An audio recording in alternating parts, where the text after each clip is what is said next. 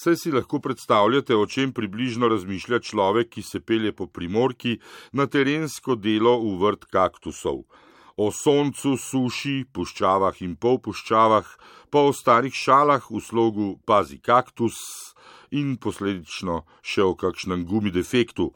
No, takrat pa me je doletela takšna vodna bomba, da sem moral zapeljati k robu hitre ceste skozi Koper in parkirati.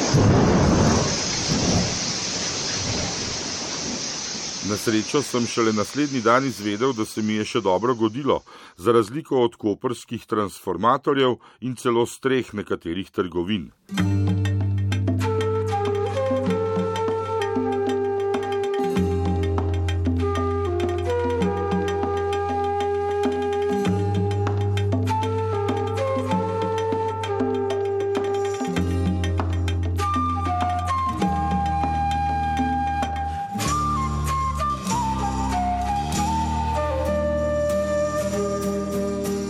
Takšna viharna moča mi je pa vseeno malo razvodenila misli, tako da sem ob prihodu starejšo gospo z metlo v roki neumno vprašal, če sem prišel prav v muzej kaktusov.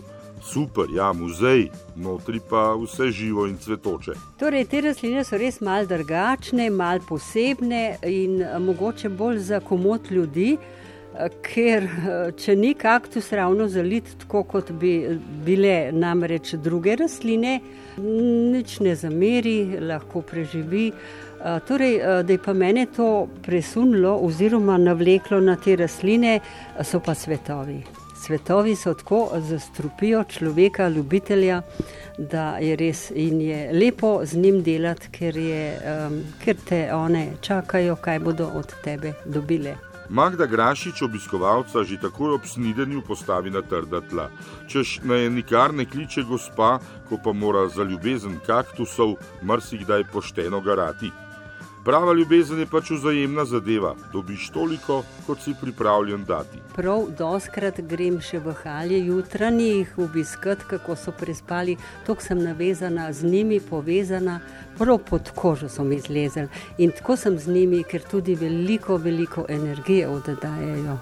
To jaz čutim. In tudi Magda sama ne mara po malem koga zbode, saj je znano, da se po desetletjih sobivanja človek česa tudi naleze. to pa drugi opazijo, moje stranke, če sem kdaj preobremenjena, pa tudi najbrž nimam lepega glasu, pa lepega nasmeha. to je to, da mogoče malo povzeto po kaktusih. In najbolj aktiven mora biti gojitelj kaktusov prav v teh pomladanskih dneh, tako zaradi njihovega bioritma, kot tudi radovednih obiskovalcev in kupcev, ki jih je maja največ.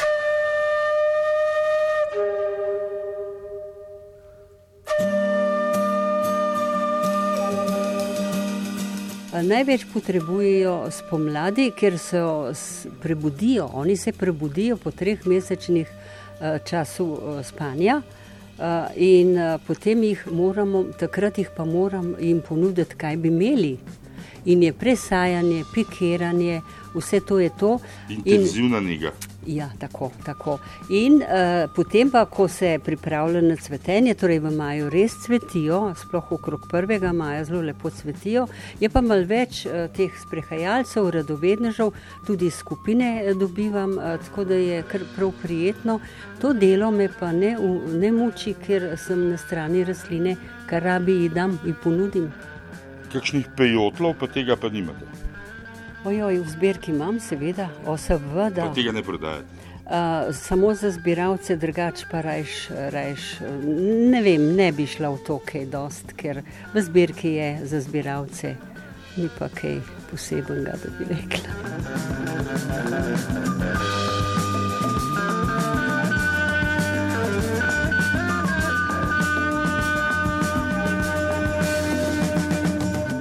Kaktusi so sicer ena najbolj zanimivih rastlinskih družin nasploh. V naravi poznajo namreč nekaj mesečno mirovanje ne samo po zimi, ampak tudi poleti v najhujši vročini. Torej bi lahko poenostavljeno rekli, da po zimi hibernirajo, poleti pa estivirajo. Vse z namenom zadrževati vodo, kar je njihova glavna posebnost. Najraje namreč rastejo na območjih, ki so ostalim rastlinam skrajno neprijazna. redni nalivi, bogata prst, veliko hranil, lepo vas prosim, to ni za puščavniške duše. Našo zbirko, ki jo imamo v dveh teh uh, gredah, je v samem pesku, ta pesek je pa kremenčev, mi ga dobimo kar v Moravčah, pri Domžalah, tam je peskokop in zbirka je v samem pesku, potem jih pa dognojujem. To pomeni, dvakrat na leto je čisto dovolj. Dvakrat spomladi sem jih že pognojila in dvakrat jeseni je čisto dovolj, ker ne smemo želeti, da hitro z brzino rastejo. To ne gre. Kdaj pa vendarle tudi za kaktus, bom rekel, zavlada žeja. Ha, žeja. Skoraj da teže na tej rastlini ugotoviti, ampak jaz pa le opazim, ali me pa kar pokliče žejen sem. Tudi v zdaj le v času rasti in jeseni. Poleti ga bolj, da ga čim bolj pustimo, ker uh, velik, preveč vode, veliko vode, pa tista vročina uh, ni dobro za rastlino. Se pravi, recimo, če pa pet let ne bi kapljice videl? Torej, tule v rastlinjaku bi propadla, v naravi pa ne. V naravi pa se dogaja, tako sem jaz nekako eh, brala, da tudi, tudi do tri leta lahko ni držijo. So še bolj trdoživi. Kot... Eh, te rastline se znajo boriti in imajo v sebi te, pač te žepke, ki shranjujejo vodo, kadar je močno deževje, ker je v naravi. Eh, močno deževje in potem dolga suša, ampak rastlina se na to vse pripravi. Potem je pa treba vse te številne vrste kaktusov poznati do obisti.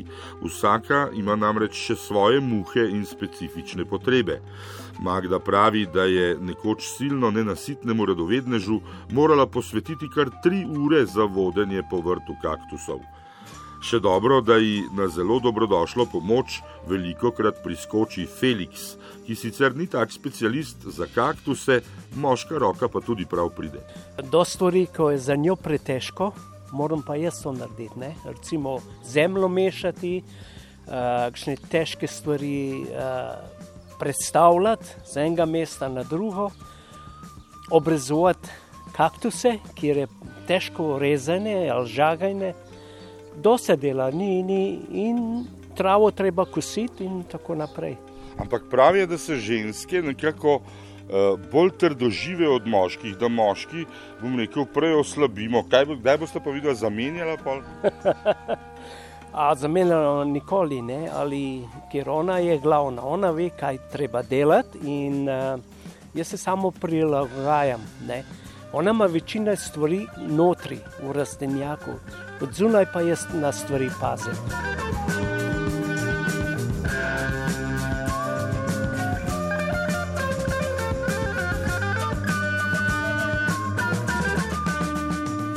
Kakorkoli že, prepričal sem se, da za en simboličen evro vstopnine v vrtu kaktusov v Seči zagotovo preživite zanimivo urico.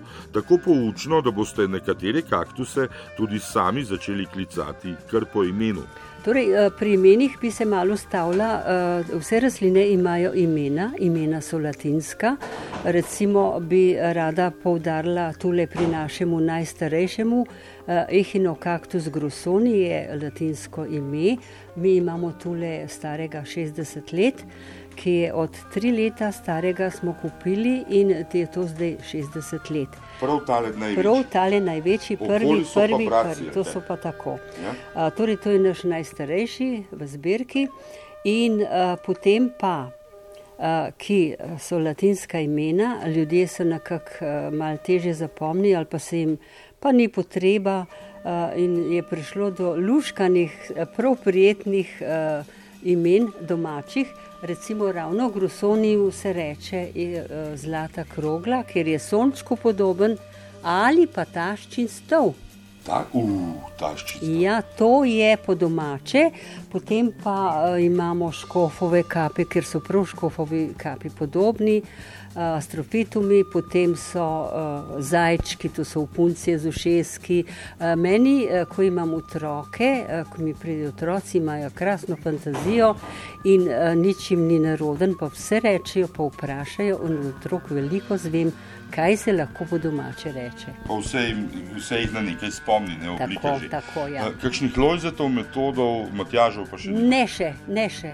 Mogoče bo še kaj prišlo na vrsto. Kdo ve, morda pa se vam bo kakšen bodlikav lepotec zdel vreden tudi vašega imena. Se boste že sami zmenili, če bo Magda Grašič tudi podobnega mnenja.